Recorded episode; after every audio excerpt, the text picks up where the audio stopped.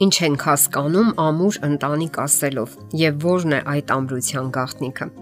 Ինչու որոշ զույգեր առաջին իսկ վեճերից հետո սկսում են մտածել ամուսնալուծության մասին։ Իսկ ահա որոշ զույգեր սիրո եւ հավատարմության օրինակ են ցույց տալիս։ Եթե նրանց մեջ ինչ որ խնդիր է լինում, նրանք փորձում են լուծել այն եւ անմիջապես չեն վազում ամուսնալուծության։ Հարցումներ են արվել ամուր ընտանիքների գաղտնիքները բացահայտելու համար եւ ահա թե ինչ է ողրվել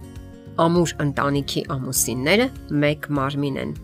Նրանք ասում են, որ իրենք իրենց համարում են մեկ ամբողջական օրգանիզմ եւ ամուսնալուծվելու դեպքում իրենք պարզապես կկիսվեն։ Տղամարդիկ էլ հակված են ռոմանտիկան չդարձնել հարաբերությունների գլխավոր առանցքը, այլ ավելի շուտ աշխատում են իմաստուն ձևով վարել ընտանեկան նավը։ Եվս մի զարմանալի փաստ։ Շատ ամուսիններ ասում են, որ կանայք առանձնապես չեն տարբերվում միմյանցից, եւ եթե տղամարդը չի կարողանում լեզու գտնել մի կնոջ հետ, ապա ամենայն հավանականությամբ չի կարող ապրել նաեւ երկրորդի հետ ամուր ընտանիքների ամուսիններն այն կարծիքին են, որ սերը գալիս է 10 տարի հետո։ Կարծիք կա, որ կյանքում յուրաքանչյուր մարդ կարող է ունենալ միայն մեկ սեր,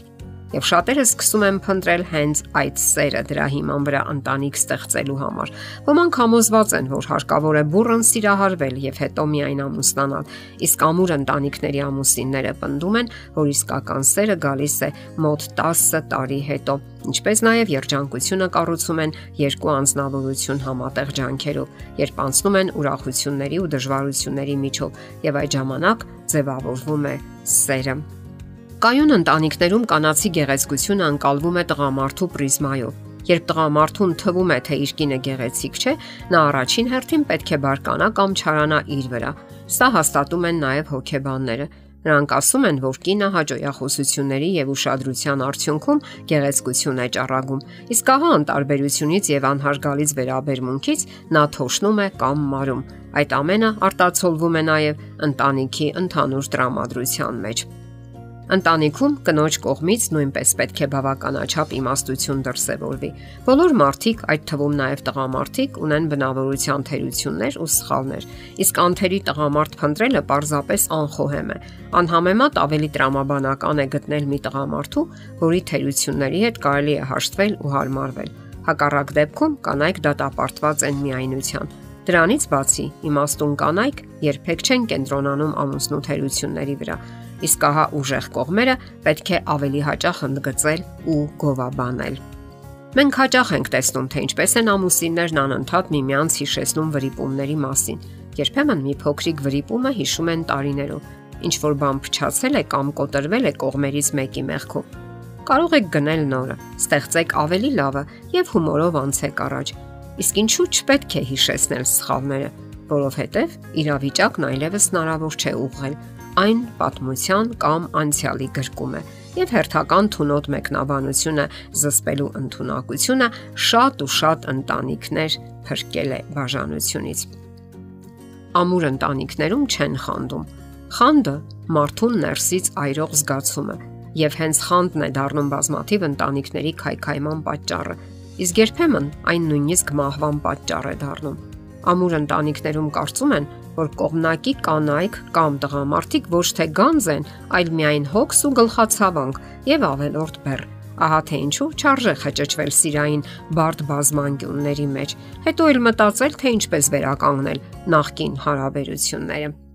Ամուր ընտանիքներում չնչին առիթներով չեն վիճում։ Կարիք չկա վիճելու այն բանի մասին, թե ով է դատարկ տարան դրել սառնարանում կամ ով է ցեխոտել գորգը կենցաղային նման մանրուքներից ընտանեկան մի ամբողջ փոթորիկ է առաջանում, որն իշ ճանապարհին սրբում տանում է ամեն ինչ։